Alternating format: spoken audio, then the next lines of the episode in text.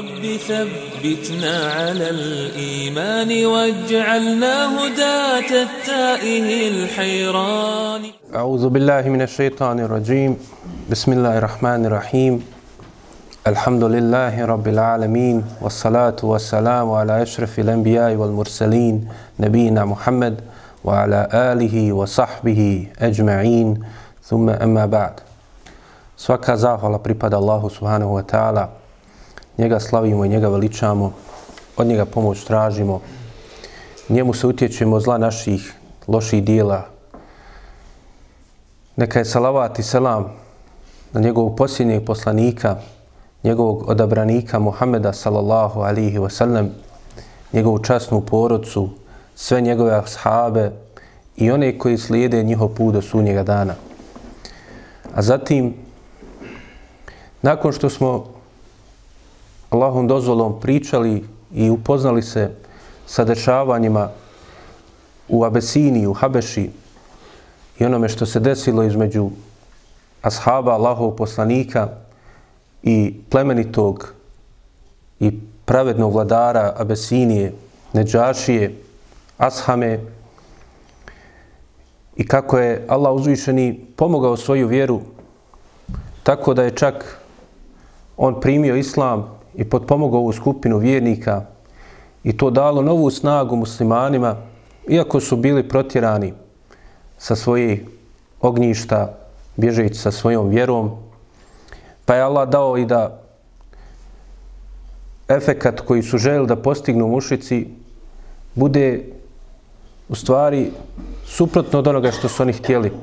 Jer su muslimani našli sebi utočište, mogli su da bezbjedno praktikuju svoju vjeru, čak i da je šire, a s druge strane čuva se, čuva se vijest još više i još glasnije raširilo se, raširila se vijest o dolasku Allahovog poslanika i onome o čemu on poziva.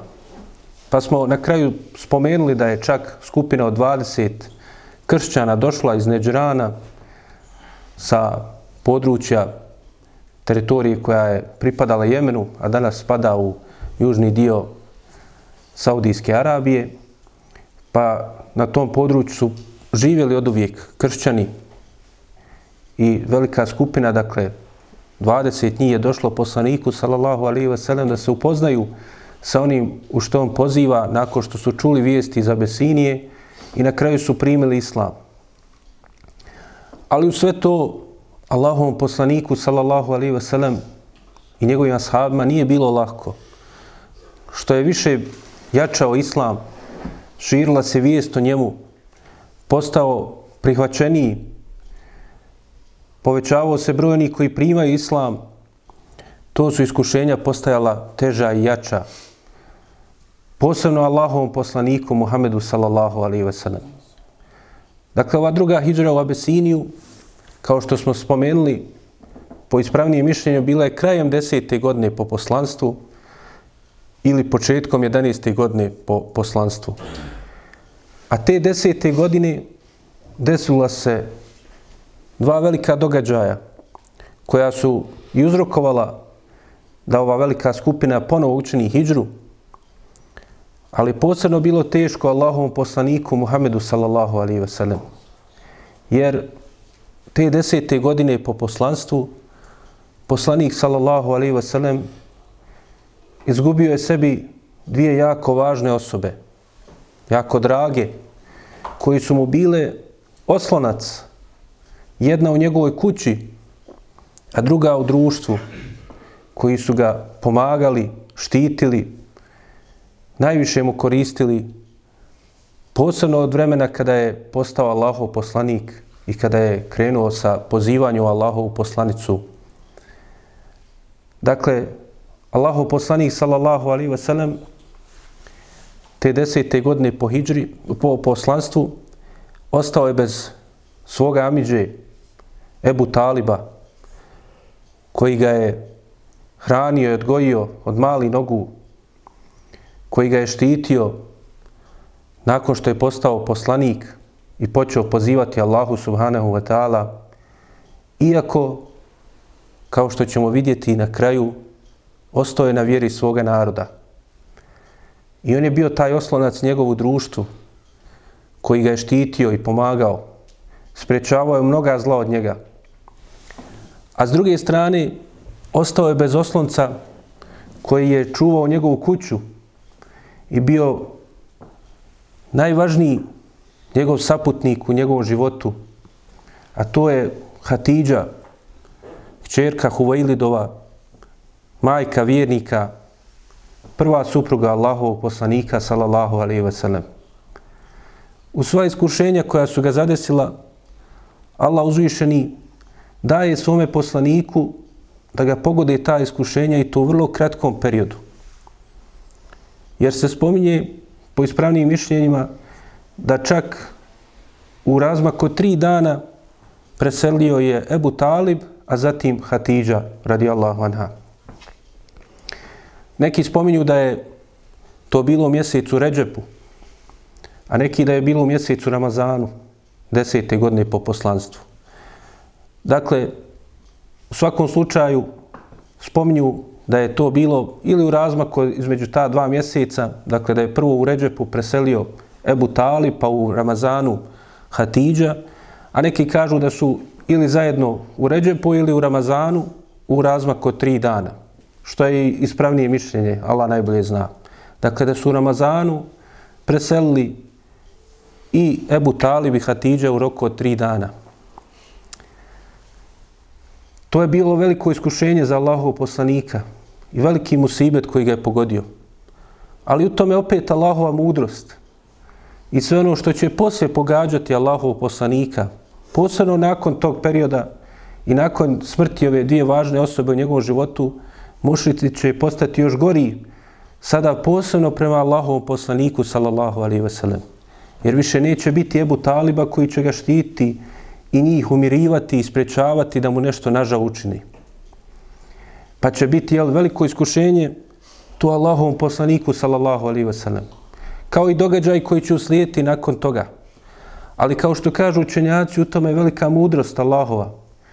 Zato što jedna od najvažnijih stvari kojom se treba odlikovati jedan vjernik jeste sabur, strpljivost na onim nedaćama koje ga zadese, na pokornosti Allahu, na sustezanju svojih strasti od griješenja Allahu uzvišenom. Pa kako će se čovjek odlikovati i steći tu osobinu ako nema od čega da saburi? Pa Allahu poslanik sallallahu alaihi ve sellem imao je najveća iskušenja, ali onda imao i najveći sabur. A oni nam je najbolji uzor kako da postupamo u svim tim iskušenjima. I Allah uzvišeni nam je dao primjer i u njemu i u tim stvarima kako ćemo da se odlikujemo i okitimo saburom, kako ćemo da se strpimo na svim tim nedaćama koje zadese čovjeka, pa i onim veselim stvarima kako da postupimo. U svemu tome jel, treba da bude prisutan sabor. A iskušenja su sprami jačine imana, pa je poslanik sallallahu alaihi wasallam kao što nas je obavijestio da su iskušenja po jačini imana, on imao najveća iskušenja.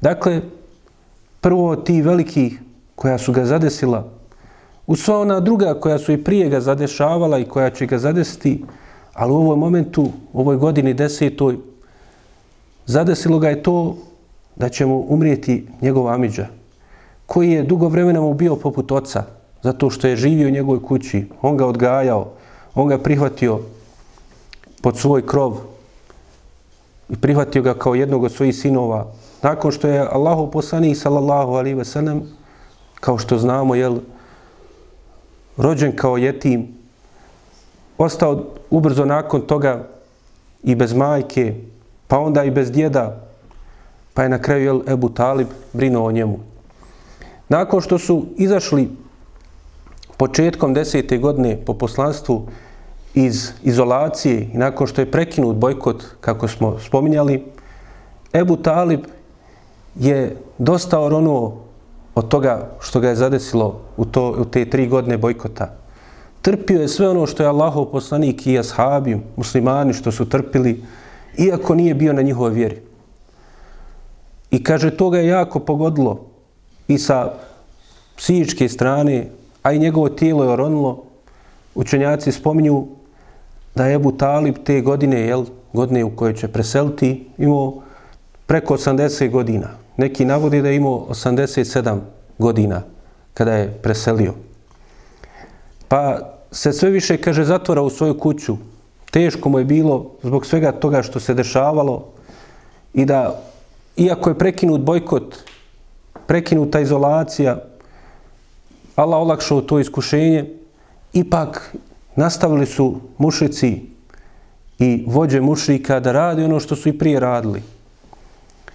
Pa zatvarao se u svoju kuću, osamljivao, sve teže se kaže, kažu kretao i sve više bilo jel znakova da će uskoro preseliti. Kada su to primijetili vođe plemena Korejiš, vođe mušrika, odlučili su da posljednji put, nakon mnogih delegacija koje su bile kod Ebu Taliba, pokušavajući da preko njega zaustave Allahovo svjetlo, prekinu poziv Allahovog poslanika, odlučili su da posljednji put to pokušaju.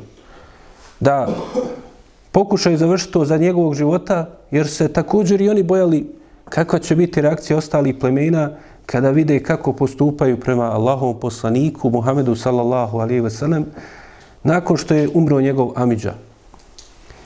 Pa su željeli da to još dok je on živi da pokušaju da sve završe, da dođe se do nekog kompromisa. Uvijek traže jel, na račun Islama neki kompromis. Odustanite ne, od nečega pa ćemo mi kao popustiti vama. Ali to je uvijek lažni kompromis. Ne želi oni da popuste. Oni žele da utrnu Allahovo svjetlo. To je uvijek bio cilj i ostaće cilj sedbenika zla i sedbenika laži i zabluda. Pa kada su došli Ebu Talibu, pokušali su opet s njim da ga nagovore, da priča sa Allahom i poslanikom sallallahu alaihi ve sellem. Pa je on zovnuo Muhameda sallallahu alaihi ve sellem. Dakle, on je sa jedne strane podržavao ono što su oni govorili, a sa druge strane ono što je govorio Allahov poslanik sallallahu alaihi ve sellem. Volio je svoga bratića, volio ga je i cijenio ga kao svog sina, želio mu je dobro. Ali, nažalost, nije imao svjetlo upute, pa nije znao da ovo što vi traže, da nije dobro za njega. Ali Allahov poslanik, sallallahu alaihi ve sellem, kao što je došlo u hadisu oko kojeg ima razilaženja po pitanju njegove vjerodostojnosti kod imama Tirmizija i drugi u njegovom sunenu, spominje se da je tom posljednjom prilikom izložio Allahov poslanik sallallahu alaihi wasallam jedno jednostavno rješenje za sve te njihove probleme, takozvane probleme. Također ponudio je i pokušao da im približi da vide da je sve sasvim lagano, da nema tu problema nekih pravi, ako na istinski način shvate ono što on govori. Pa im je rekao, kaže, a bili su tu, jel, naj, najveće vođe, najugledniji ljudi plemena Kuriš, a u stvari, jel, vođe Širka i Mušrika, i Ebu Džehl, i Utbe ibn Rabija, i Šejbe ibn Rabija, i Umej ibn Halef, i Ebu Sufjan, svi su tu bili prisutni. Spominje se preko dvadesetak da je bilo, oko dvadesetak najodabraniji ljudi. Pa je poslanik sallallahu alaihi ve sellem iskoristio priliku pred svojim amidžom da im kaže, kaže, recite jednu, jednu riječ. Tu riječ ako kažete, vladat ćete sa svim Arapima. Samo recite tu riječ. I sve ćemo riješiti između nas, a vi ćete zavladati sa svim Arapima. Pa je, kaže, rekao Ebu Džehl, kaže, rećemo i jednu i, i još toliko riječi, koliko god bude trebalo, samo da se ovo završi više. Pa kaže, rekao im je Allaho poslanik, sallallahu alihi ve sellem, recite la ilaha illallah, zavladat ćete i Arapima istokom i zapadom. Ebu Džehl je ustao i rekao, kaže, e to ti ne možemo dati da učiniš sva naša božanstva jednim Bogom, to ti nećemo dati. Na to ne pristajemo. La ilaha illallah. Znači, Ebu Džehl i svi ti mušici Znaju šta traži Allahu poslanik sallallahu alaihi ve sellem od njega. Potpuno su razumili riječi la ilaha illallah. Svatili su da to znači nema Boga, istinskog Boga koji zaslužuje da se obožava osim Allaha uzvišenog. Da to znači da onda volimo ono što Allah voli, da mrzimo ono što Allah mrzi, da pokoravamo se njegovim naredbama, od toga da slijedimo njegovog poslanika, da budemo potpuno predani Allahu uzvišenom, da sve ibadete njemu usmjerimo. Sve su značenja oni shvatili od la ilaha illallah i zato su ih odbacili. Da učiniš sva naša božanstva, sve ove ibadete koje mi činimo njima, da samo dajemo jel i da činimo i samo jednom Bogu. I nakon toga, jel, poslanik sallallahu alejhi ve sellem nije ustuknuo ni momenta, ali nisu ni oni. I rekli su, pustimo ga, ostavimo ga dok Bog, kaže, ne presudi između nas i njega. I tako se razišli kod Ebu Taliba. Nakon toga ubrzo Ebu Talibu će početi da dolaze smrtne muke, pašće na postelju, razbolit se i iščekivat će se kad će da umre. Pa će Allahov poslanik sallallahu alaihi ve sellem otići svome Amidži, otići kao što imam Buharija navodi jel, čitavo jedno poglavlje u kojem objašnjava, kaže, kazivanje o Ebu Talibu, šta se desilo zbog čudnovatog primjera njegovog života, toliko pomagao Allahov poslanika, žrtvo i metka, žrtvo zdravlje, život, ali dalje ostaju na vjeri svojih djedova. Pa kaže, doće Allahov poslanik, sallallahu alaihi wasallam u hadisu kojeg nam prenosi, prenosi Sejid ibn Musejeb, poznati tabin, a u stvari sin ashaba Allahov poslanika Musejeba, radijallahu anhu, Kaže, doće Allahov poslanik, sallallahu alaihi ve sellem, i reći svome Amidži, Amidža moje, reci, reči, reci riječi kojima ću se ja zauzimati za Allaha, kod Allaha za tebe. A doće mu, kaže, također i njegovi jarani, njegovo društvo s kojim je život proveo, družeći se, provodeći vrijeme, podpomagajući jedni druge, doće mu Ebu Džehl i Abdullah ibn Ebi Umeije. Doće i sjesti s jedne strane poslanik, sallallahu alaihi ve sellem njemu dra, naj, jedan od zasigurno najdraži osoba koje je on poznavao, ali to je bila ljubav, ta prirodna ljubav urođena kod ljudi prema svome bližnjem, A s druge strane njegovi jarani, njegovi prijatelji. Pa će oni reći, kaže, kada poslanik sallallahu alaihi ve sellemu kaže ove riječi, kaže mu, reci la ilaha illallah, riječi kojima ću se zauzimati za, kod Allaha za tebe, oni će reći mu, reći mu, kaže, zar ćeš ostaviti vjeru Abdul Mutalibovu? Ponovo primjer kako oni razumiju šta traži Allahu poslanik sallallahu alaihi ve sellem. Razumiju značenje šehadeta la ilaha illallah. Na to znači ostaviti vjeru Abdul Mutalibovu. Ostaviti sve nevjere koje su mimo Islama. Sve ono što je u suprotnosti sa Islamom, sa objavom koja je došla po Allahovom poslaniku sallallahu alaihi ve sellem. Pa kaže Allahov poslanik sallallahu alaihi ve sellem je ponavljao mu reci la ilaha illallah riječi kojima ću se zauzimati za tebe kod Allaha, a ovi će, kaže, ponavljati, zar ćeš ostaviti vjeru Abdulmu Talibovu. I tako će i poslanik, sallallahu alaihi ve sellem, i mušici da ponavljaju, sve dok na kraju Ebu Talibove zadnje riječi ne budu kao što prenosi i prenosilac, dakle Musejeb, kaže, i on je na vjeri Abdul Mutalibovoj nije čak htio da kaže, da ga citira, da kaže i rekao je ja umire na vjeri Abdul Talibovoj.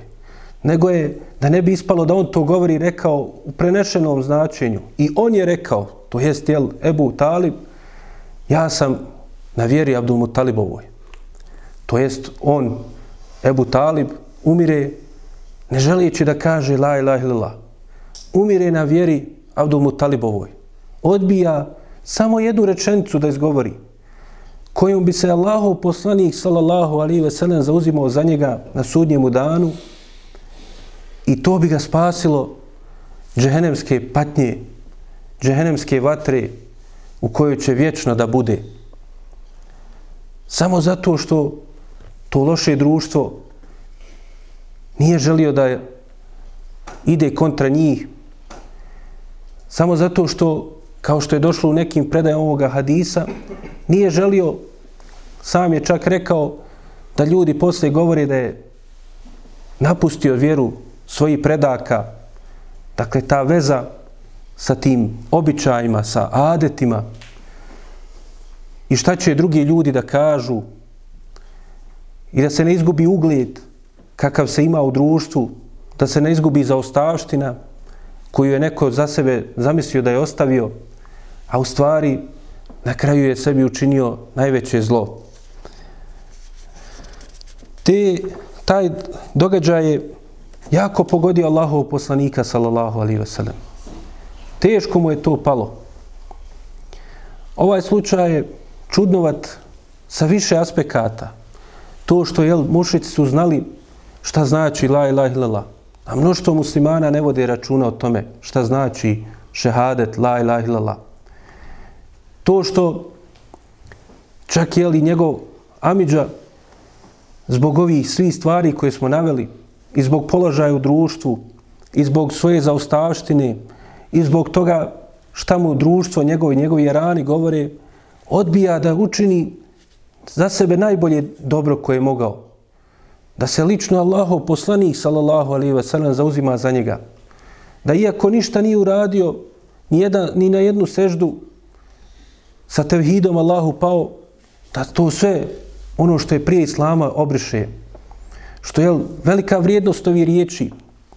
Da s tim riječima čovjek na samrti se može iskupiti, ali ako istinski ih kaže, kao što je došlo jednom od hadisa, da je Allah poslanik sallallahu alejhi ve sellem rekao, ko kaže la ilaha illallah sidkan min qalbihi kaže, kaže se u nas sidk, prevodi se istinoljubivost ili iskrenost, a u stvari sidk je puno šire u arapskom jeziku. To je manjkao prijevod. Sidkan min kalbihi znači sa iskrenošću, naravno sa iskrenošću, ali potvrđujući te riječi. A čime će čovjek potvrditi te riječi? Sa ubjeđenjem, sa svojim izgovorom, sa ubjeđenjem ono što proizilazi iz tih riječi, sa radom po tim riječima. To znači sitk. To znači da budeš, jel, sadik. I zato su, zato je naj, prvak sidika, jel, Ebu Bekr. On je vjerovao Allahom poslaniku, sallallahu alaihi ve sellem. Ali vidjet ćemo u događaju Isra i Mirađa, kada i ashabi budu uzdrmani sa tim događajem, jel se to desilo ili nije, pa kada odu u Ebu, Ebu Bekru radi Allahanu i pitaju ga šta on kaže za to, a također jel dođu oni mušici da se ismijavaju, tvoj drug govori da je bio u toku jedne noći otišao iz Mekije u kuc, šta će reći Ebu Bekr? On će potvrditi tu iskrenost u svome srcu, tako što će vjerovati Allahovom poslaniku čak i u tako teškom, teškom i za njih teškom e, događaju za povjerovati. Reče, ako je to rekao Allahov poslanik, sallallahu alaihi ve sellem, onda je to sigurno istina. Znači, potvrđuje svojim i vjerovanjem i dijelima da je istina ono sa čim je došao Allahov poslanik, sallallahu alaihi ve sellem. A prije svega, jel, taj šehadet, la ilaha illallah. Pa dakle, u tome je velika poruka iz, ovih, iz ovoga događaja. Također i velika poruka je da je čovjekov završetak ono što je najvažnije. Da se da je ibret ili da je pouka iz onoga na čemu čovjek završi. Može živjeti život kako hoće. Jerhamuke Allah. Allah uzvišeni nudi priliku svojim vjernicima, svojim robovima da postanu vjernici, pa čak i na samrti, da se pokaju za svoje grijehe. Ali ako iskreno kažu la ilaha illallah, ako iskreno se pokaju za svoje grijehe, da taj šehadet briše ono što je bilo prije njega, Ali također i onaj koji živi život pa ne čuva tu svoju uputu ako je ga Allah uzvišeni uputio, ako prepusti tom društvu svojim jaranima da utiču negativno na njega, ako radi nekih dunjaluških interesa poklekne na putu istine, neka zna da je pouka onome na čemu će završiti. Zato Allah uzvišeni kaže Ja ejuha ladina amenu ittaku Allahe haqqa tukatih wa la tamutunne illa wa entu muslimun. O vi koji vjerujete, znači vi koji vjerujete, ne oni samo koji ne vjeruju, nego prije svega vi koji vjerujete, vi posebno sebe čuvajte i svoju uputu. To je nešto najvrednije što imate. Ittaku haqqa tukatih. Bojte se Allaha istinskom bogobojaznošću. To jest, istinski se bojte da li ćete skrenuti sa pravoga puta. Čuvajte se toga. Na svako namazu učite. Ihdina siratal mustaqim. Allahu puti nas na pravi put. Pa dakle, čuvajte to. Radite dobra djela koja će vas pojačati tu uputu, povećati je, povećati iman. Čuvajte se onoga koje, što je suprotno toga. Od lošeg društva, od loših dijela, Izučavajte svoju vjeru. Podučavajte se značenjima ova dva šehadeta i svoje vjere i nemojte, kaže, umirati osim kao muslimani. Jer sve ostalo, sve ostalo na ovome svijetu će postati nevažno. Ako čovjek završi kao musliman, sve što je prošlo i bilo, postaje nevažno. Jer je spasio se spasio se ako je preselio kao musliman. A sva uživanja koje imao na ovome svijetu, sve blagodati, džabati ako ne preseliš kao musliman. I zato je Allahovom poslaniku, sallallahu alaihi ve sellem, bilo teško što je Ebu Talib ovako završio.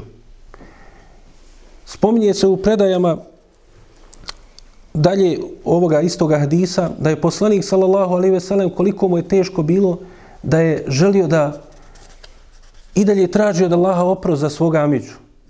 Nije mu bilo to lako. S jedne strane nam to pokazuje da Allahov poslanik sallallahu alaihi ve sellem nije mogao jel svoga Amidžu nagovoriti da primi islam. I mnoge druge iz svoje familije. Što znači da ta njegov poziv odbacuje se time bilo kakva sumnja da je on pozivao sebi ili svojoj porodci, želio neku vlast ili tome slično, ponos svoje familije, jer nisu mnogi od njih bili s njim na toj stvari u kojoj on pozivao.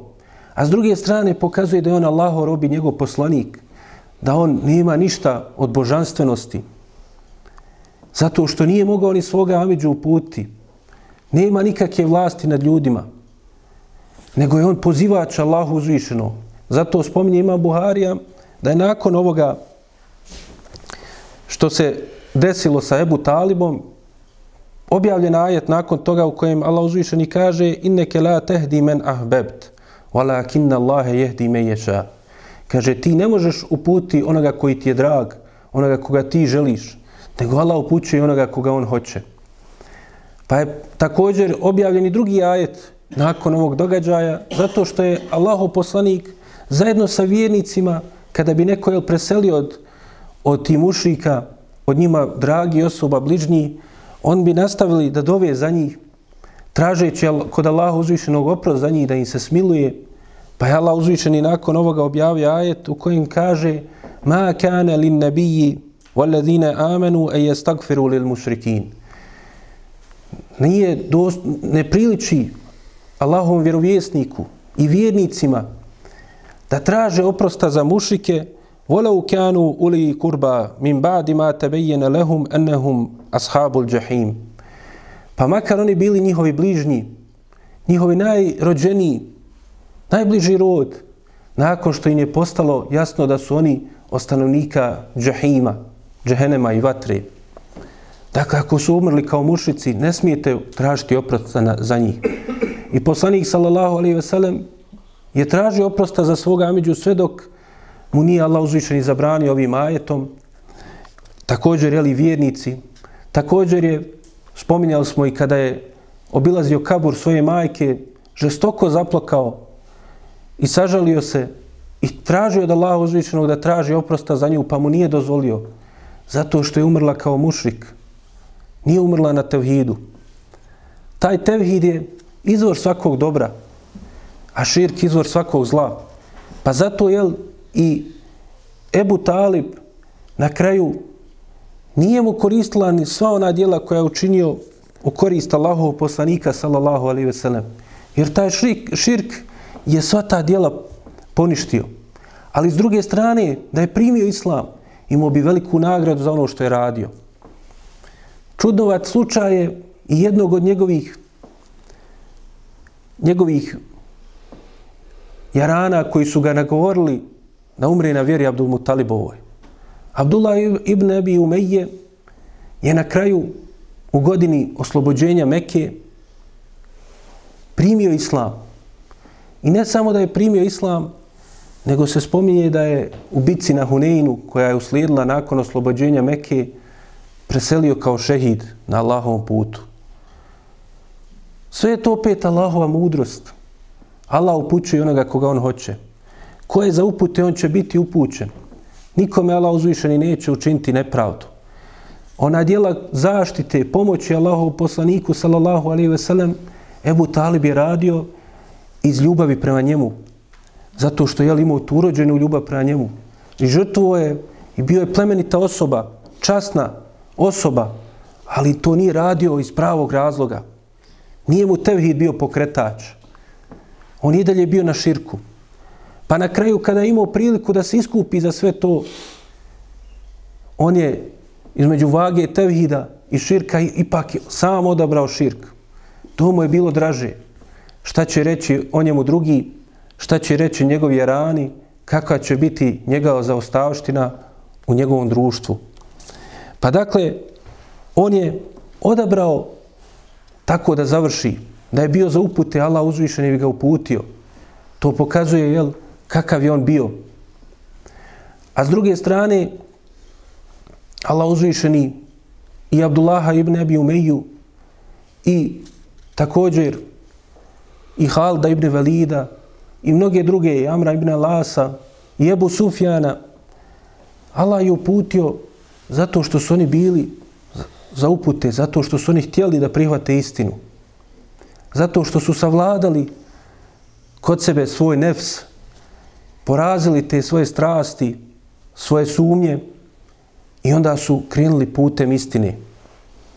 I bili su, jel, nakon toga među najodabranijima u svojim, u svojim radu i djelovanju u islamu. Kada je umro Ebu Talib, dakle,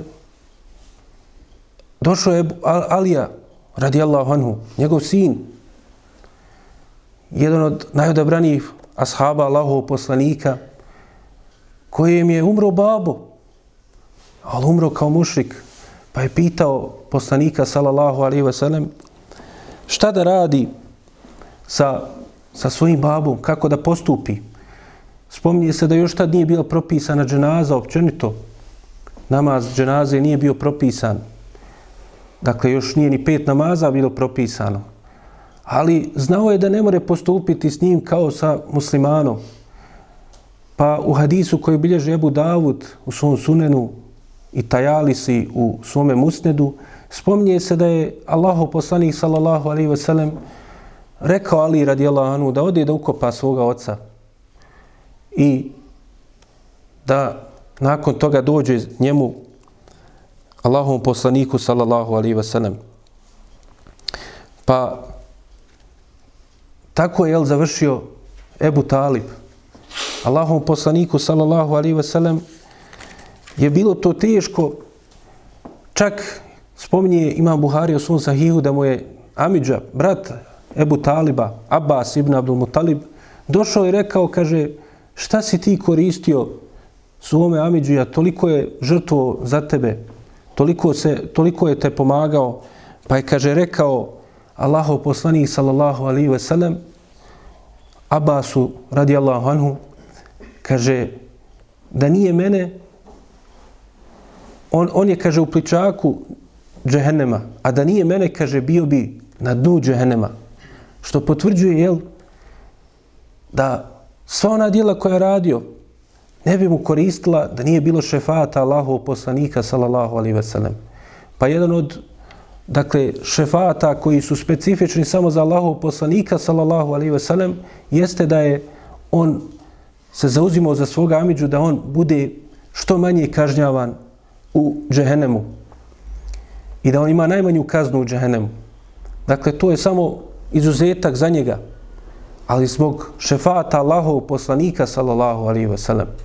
I kaže se da, kao što je došlo u hadisu kod imama muslima, pojašnjenje šta je, kakva je taj pličak i šta se dešava Ebu Talibu, vječno šta će mu se dešavati u tom džehennemu, jeste da je, kaže se, da će on imati sandale od vatre od koji će mu da mozak vrije meče, kaže, dvije žaravice ispod svojih stopala od kojih će mu mozak da vrije.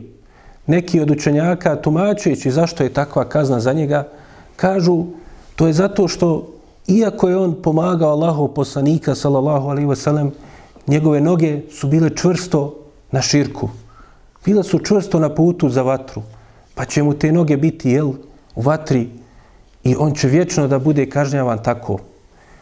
Što je veliko upozorenje kakva je kazna. Dakle, za tog čovjeka koji ima najmanju kaznu u džehennemu, koliko je žestoka. Da se čovjek treba toga čuvati. Posebno, jel, svoje bližnje. Allahu poslanik, sallallahu alaihi ve sellem, vidimo veliki trud je uložio pozivajući svoju rodbinu, sebi najdraže osobe, onog koji ti je među najdražima. Kažu učenjaci, iz ovog vidimo, jel, da nema smetnje da čovjek posjećuje, da se druži sa svojim bližnjima, pa makar i oni ne bili na islamu, makar bili na nevjerstvu, ali ako, ti, ako su istinski dragi, onda ih trebaš pozvati u islam, trebaš im ukazati i pokazati šta je islam praktičnim primjerom i savjetovati ih lijepim savjetom da se prihvate Allahove subhanahu wa ta'ala vjere. Jer to je jedna od najvažnijih stvari u održavanju tih rodbinskih veza.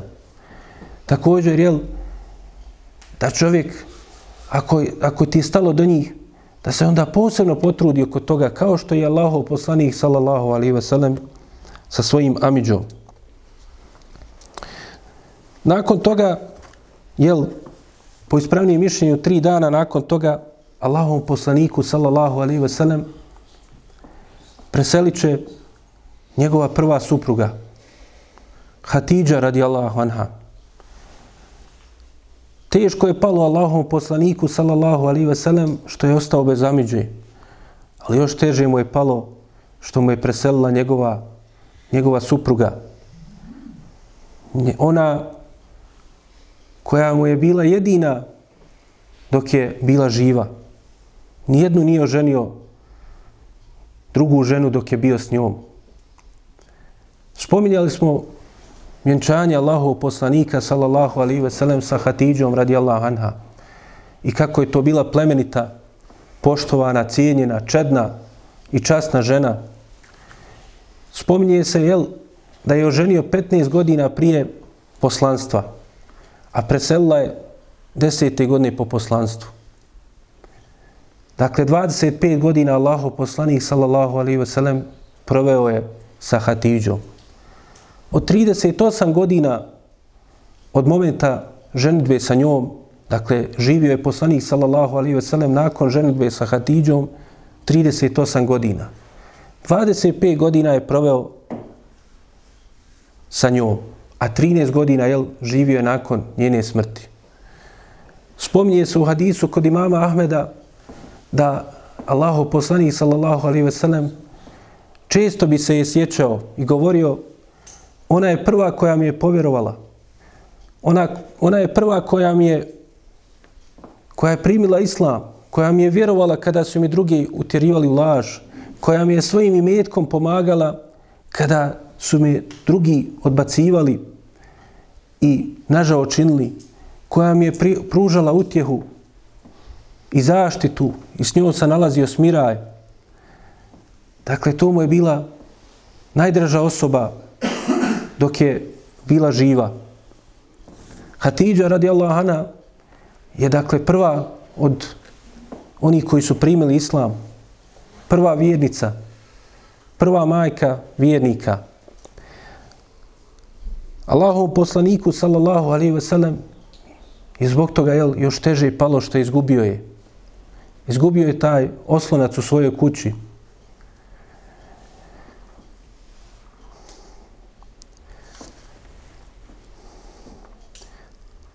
Hatidža radijallahu anha je bila uzrok velike tuge Allahov poslanika sallallahu alaihi ve sellem. Osamio se u kuću nakon njene smrti. Sastavljeno s tim što je ostao i bez Amidže. Pa je tugovao zbog toga što je ostao bez nje. Ali Allahov poslanik sallallahu alaihi ve sellem nam je uzor i u tome. Takav veliki gubitak jedni od najboljih žena koje su hodile zemljom, ostoje bez nje Allahov poslanik sallallahu alaihi ve sellem, ali on je smireno podnosio ta, to iskušenje, saburio, nije ništa loše rekao, bio je zadovoljan sa Allahovom odredbom i Allahu je uzvišeno zahvaljivo na svakom stanju. Hadidža radijallahu anha ima mnoge vrijednosti. Najve, jedna od najvećih vrijednosti koje se spominju po pitanju nje jeste ono što je zabilježeno u dva sahiha kod Buharije muslima, da je Allaho poslanik sallallahu alaihi ve sellem rekao da mu je došao Džibril i rekao, kaže, prenesi selam od Allaha, a i od mene, Hatidži radijallahu anha, i reci joj da je Allah uzvišeni za nju pripremio u dženetu kuću od najboljih, najljepših dragulja, u kojoj, kaže, neće biti nikakvog podizanja glasa, nikakve buke, niti će u njoj, u njoj biti nikakvog umora. Dakle, velika vrijednost da je još za života obradovana džennetom Hatidža radijallahu anha.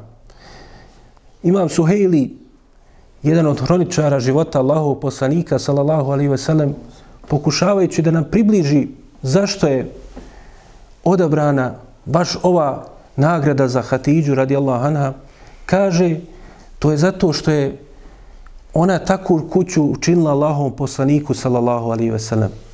Dakle, primjer za vjernice kakve da budu, da zaslužite najveće nagrade kod Allaha uzvišenog.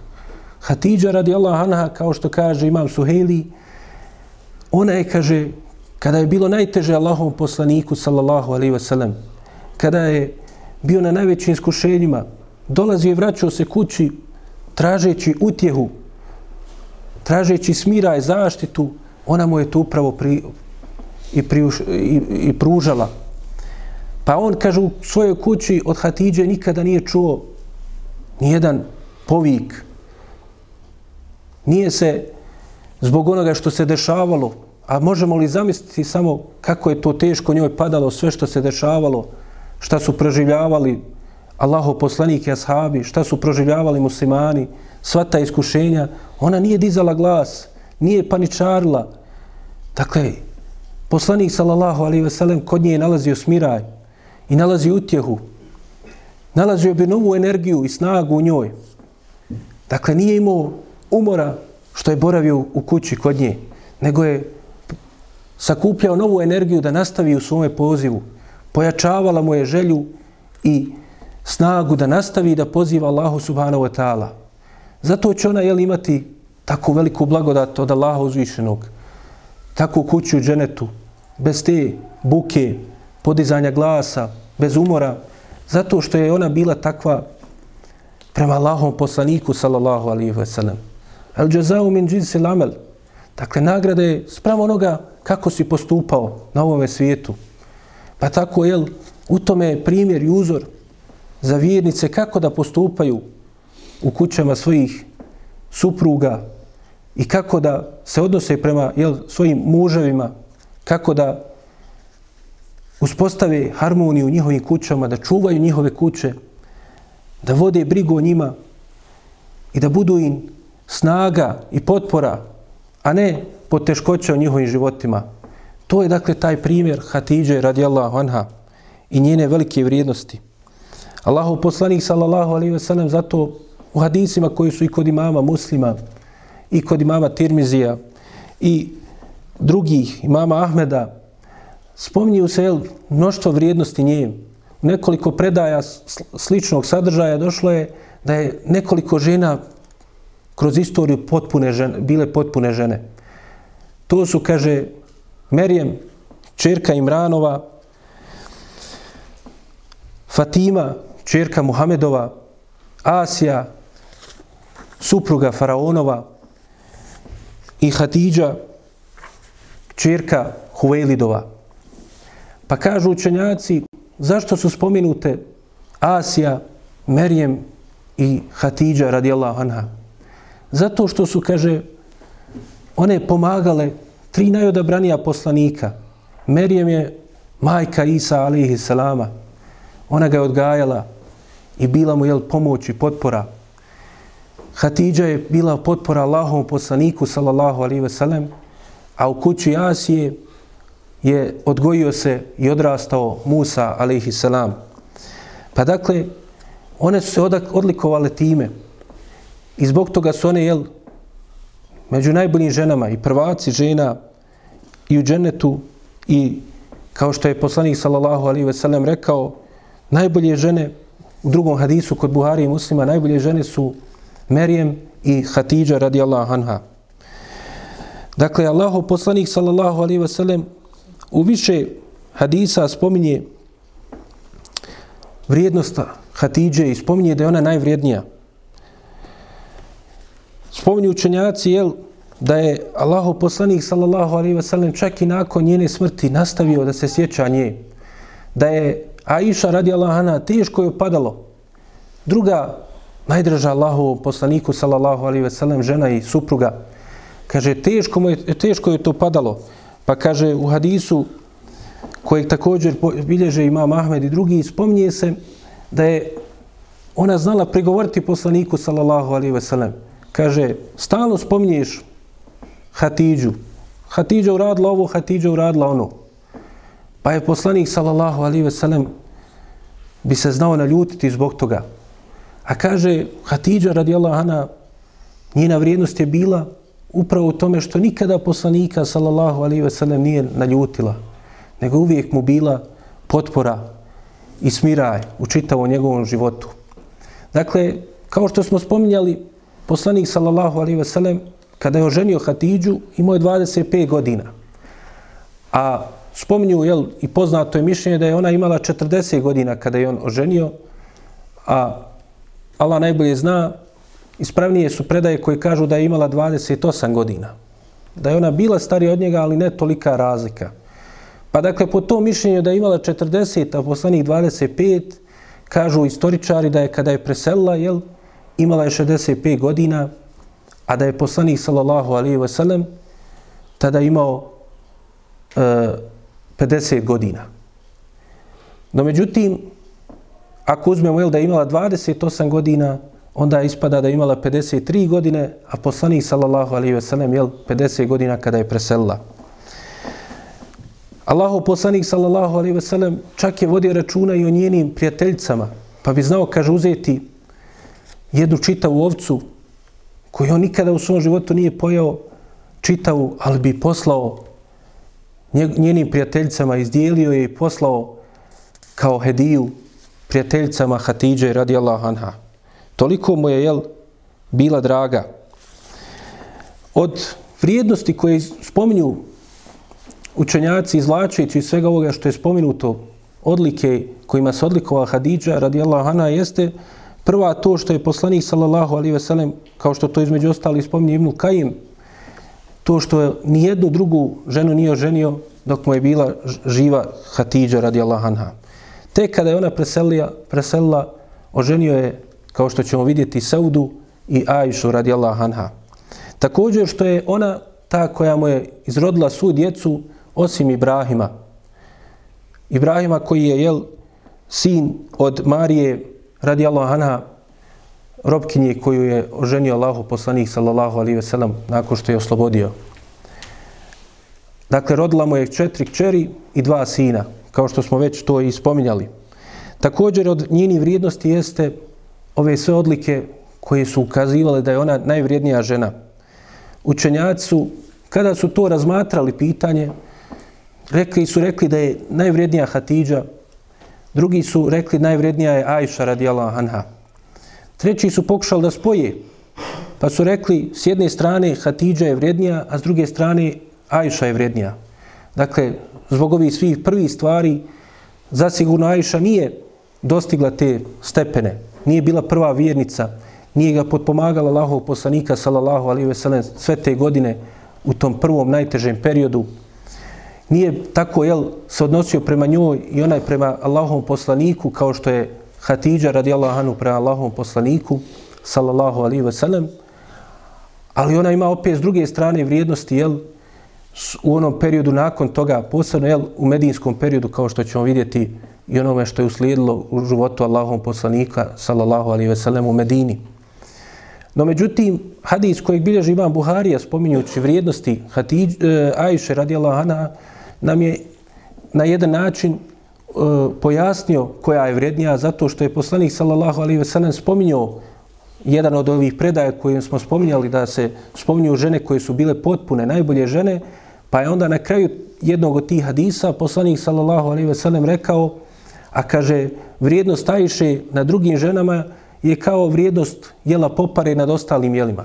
To jest, ove su vrijedne, izrazumijeva se iz ovoga hadisa, ali Ajša je vrijednija, zato što je ona vrijednija kao što je to jelo jel, bilo kod njih poznato kao najvrijednije nad ostalim jelima. To jeste, imaju druga vrijedna jela, koja imaju svoje vrijednosti i ljudi ih voli, ali ovo jelo nam je najdraže. Pa tako je jel, i Ajša radi Allah Anha, Allah najbolje zna, najvrijednija žena na Dunjalku koja je kročila, a nakon nje dolaze jel, Hatidža radi Allah Anha, Merijem, dolazi Asija, dolazi Fatima radijallahu anha. Također, jel, od njenih vrijednosti je upravo to što smo spominjali da nikada poslaniku sallallahu alaihi veselem se nije suprostavila, nikada se poslanik sallallahu alaihi veselem nije zbog nje naljutio ili nešto e, loše pomislio prema njoj. Ona je također jel, prva koja je povjerovala općenito od svih ljudi Allahovom poslaniku sallallahu alaihi wasallam i prva je žena koja je povjerovala. Ona je ta koja je odlikovana time što je Džibril alaihi salam je poselamio i prenio je selam od Allaha uzvišenog. Nakon toga Allahov poslanik sallallahu alaihi wasallam će oženiti Ajšu i Saudu. Dakle, u hadisu koji također je bilježi imam Buharija, a i ima muslim i drugi, Spominje se da je nakon toga Allahu poslanik sallallahu alaihi ve sellem oženio Ajšu radijallahu anha i Saudu bintu Zem'a, kćerku Zem'e. Kaže se u hadisu koji nam pojašnjava kako se to desilo kod imama e,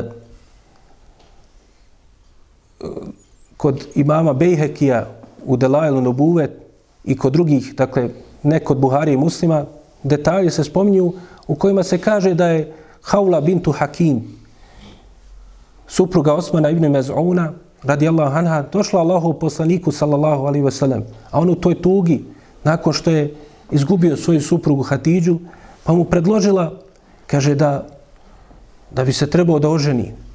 Pa je on pitao nju, na koga misliš?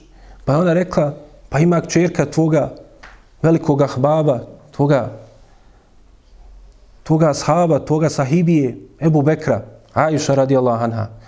Pa je poslanik sallallahu alaihi ve sellem otišao da ona provjeri šta oni misle, pa nakon što su jel, čuli to i nakon što se ona vratila sa vješću poslaniku sallallahu alaihi ve sellem, nakon što je Ebu Bekru to bilo, nije bio siguran da li to istinu hoće poslanik sallallahu alaihi ve sellem i nakon što se uvjerio da to hoće, onda je on prihvatio Pa je poslanik sallallahu alaihi ve sellem, kao što je došlo kod imama Buharija i muslima, oženio Ajšu, dakle sklopio brak s njom, u, u ime nje je to sklopio Ebu Bekr, njen otac, dok je ona imala šest godina.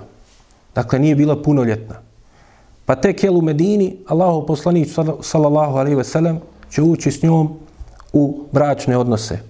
I tu je trebamo napomenuti poznatu potvoru na Allahov poslanika, sallallahu alaihi ve sellem, izlačenje iz konteksta toga što je Allahov poslanik, sallallahu alaihi ve sellem, kao što je došlo u tim hadisima, oženio je sa šest godina, a stupio u bračne odnose sa njom kada imala devet, to što jel, neki žele da kažu da je poslanik neuzubila, jel, znamo šta govore, to je strašno da čovjek i pomisli, a kamal da kaže, zato što to istrgavaju iz konteksta, zaboravljaju da se, jel, u to vrijeme, posebno na arapskom polotoku, da su žene, jel, prije sazrijevale i prije dostizale i starost. Pa dakle, ona je bila punoljetna kada je poslanik, sallallahu alaihi ve sellem, stupio s njom u odnose. A s druge strane, Allahu poslanik sallallahu alaihi ve sellem iz ovog primjera Hatidže radijallahu anha vidimo da ni on bio od ljudi koji je tu imao dakle da je žudio samo da što više ima žena ili tome slično ne uzubila nego je Allahu poslanik sallallahu alaihi ve sellem kao što vidimo ogroman dio života proveo sa jednom ženom a mogu je oženiti mnoge druge žene i sve te one koje je oženio velika mudro se krije u njima. Velika korist i za muslimane i za društvo prije svega. A ne samo za Allahov poslanika sallallahu alaihi wa sallam. Kao što ćemo vidjeti svi ti slučajeva. Pa Aisha radijallahu anha tačno je oženio je poslanik sallallahu alaihi wasallam sa šest godina, a sa devet stupio u odnose sa njom, a ona će presel, e, preselit će poslanik sallallahu alaihi wasallam, ona će napuniti tek 18 godina. A bit će najsretnija sa njim. Također Allahu poslanik sallallahu alaihi ve sellem kao što je došlo u hadisu kod Buharije u njegovom sahihu kaže da je objavom preko sna Allah uzvišeni ga obavijestio da se oženi sa Ajšom radijallahu anha zato što se spominje u tom snu koji je prepričavao Ajši radijallahu anha Allahov poslanik sallallahu alejhi ve sellem da kaže vidio sam te dva put u snu jedno da, da mi je došao čovjek kaže sa poklonom u parčetu svile, dakle komadu svile, platno od svile. I kaže, otvorio sam ga i onda sam ugledao u njemu tebe. Pa kaže, znao sam da je to od Allaha objava da te oženi. Pa dakle, Allah uzvišeni je objavom, a kao što znamo, sa, sni, snovi a, poslanika i vjerovjesnika su istina i To je bio vid objave Allahom poslaniku sallallahu alaihi ve sellem i naredbe, dakle kao što je Ibrahimu bila naredba da uradi ono što je trebao da uradi sa Ismailom alaihi selam, da ga prenese kao žrtvu, dakle snom je došlo to i Allahovom poslaniku sallallahu alaihi ve sellem. S druge strane, oženio je također i Saudu. Sauda je bila supruga jednog od ashaba Allahovog poslanika sallallahu alaihi ve sellem, Sekrana ibn Amra, koji je zajedno s njom učinio hijđru, tu drugu hijđru Abesiniju. Pa se oni vratili. Pa kada je on se vratio zajedno s njom u, Me, u Meku, on je preselio, radi Allahu anhu. Razbolio se i preselio, pa je ona jel, postala udovica. Pa je poslanik sallallahu alaihi ve sellem nju oženio u razmaku od nekoliko dana spominje se da se to desilo u mjesecu Ševalu, te, dakle, desete godine po poslanstvu. Dakle, ako kažemo da je poslanik sallallahu alaihi ve sellem ostao bez supruge Hatidže u Ramazanu, odmah sljedeći mjesec je oženio sa ove dvije majke vjernika. Pa dakle, time se jeli pobija ona poznata sumnja o neženjenju između dva bajrama. Jer poslanik sallallahu alaihi ve sellem vidimo je oženio se između dva bajrama. Dakle, Allahov poslanik sallallahu alaihi ve sellem toj udovici, dakle, nakon što je izgubila svoga supruga, Allah uzvišeno joj daje zamjenu, a ne može biti bolja zamjena, a to da je postaje supruga Allahov poslanika sallallahu alaihi ve sellem. Pa kaže se da je ona bila prva žena sa kojom je Allahov poslanik sallallahu alaihi ve sellem stupio u bračne odnose nakon Hatidže radijallahu anha. Zato što je Aisha oženio, jel, ali tek u Medinije stupio s njom u odnose, pošto nije bila punoljetna, a sa Seudom je bio u, u, Med, u Mekki. Ona će biti, jel, i već je bila u godinama, pa će tek pred kraj života čak poslanik sallallahu alaihi ve sellemu, ona pokloniti svoj dan koji je pripadao Allahovom poslaniku sallallahu alaihi ve sellem da bude s njom, kada jel, obilazi svoje supruge, svaki dan je bio i noć kod jedne, Dakle, pa kaže, poklonit će svoju noć Ajši radi Allah anha, što će biti, jel, jako drago Allahovom poslaniku, sallallahu alaihi ve sellem, što još više potvrđuje koliko je volio Allahov poslanik sallallahu alaihi ve sellem Aishu radi Allah anha. Kao što je govorio, najdraži mi je čovjek, njen otac, a ona mi je najdraža žena. I kao što je jel, mnogim drugim došlo hadisima vrijednosti, da ne idemo jel, u sve te detalje, uz Allahovu pomoć doće neki od tih detalja vremenom o, po pitanju vrijednosti Ajše radi Allah anha. Sauda Mintu Zema radi Allah anha će preseliti u hilafetu Omera radi Allah anhu. Dakle, tako je Allahov poslanik sallallahu alaihi ve sellem u ovoj teškoj godini doživio velike nedaće. S druge strane, na stranu je ova žen, ove ženitbe Allahov poslanika sallallahu alaihi ve sellem mušici će pojačati i povećati svoje zlostavljanje Allahov poslanika sallallahu alaihi ve sellem. Što do tada nisu smjeli raditi zbog Ebu Taliba, tada će početi da radi. Neke od tih stvari smo spominjali već od zlostavljanja i raznih e, vrsta zla kojeg su činili Allahom poslaniku sallallahu alaihi wasallam. Većina toga se desilo nakon smrti Ebu Taliba. Zbog toga istoričari ovu godinu, godinu dakle desetu po poslanstvu, a ne kao što neki kažu da je to poslanik sallallahu alaihi wasallam nazvao, nego su istoričari zbog mnoštva tih tužnih događaja nazvali godinom tuge. Nakon toga će jel, desit se još neka veća iskušenja Allahovom poslaniku sallallahu alaihi wasallam prije nego što Allah pošalje olakšanje, kada ode jel, u Taif i ono što, se, što, će, što mu se desilo tamo, ali o tome ćemo inšala govoriti sljedeći put. Molim Allaha subhanahu wa ta'ala da nam poveća ljubav prema Allahovom poslaniku sallallahu alaihi ve sellem, učini nas od njegovih istinskih sljedbenika. Molim ga subhanahu wa ta'ala da nam oprosti naše grijehe, da pomogne muslimane na svakom mjestu, da pomogne našu ulemu na svakom mjestu, da izbavi zatvorene od njih. Molim ga subhanahu wa ta'ala da uputi nas i naš narod. Amin. Subhanika Allahumma mi bihamdike ashhadu يا رب ثبتنا على الإيمان واجعلنا هداة التائه الحيران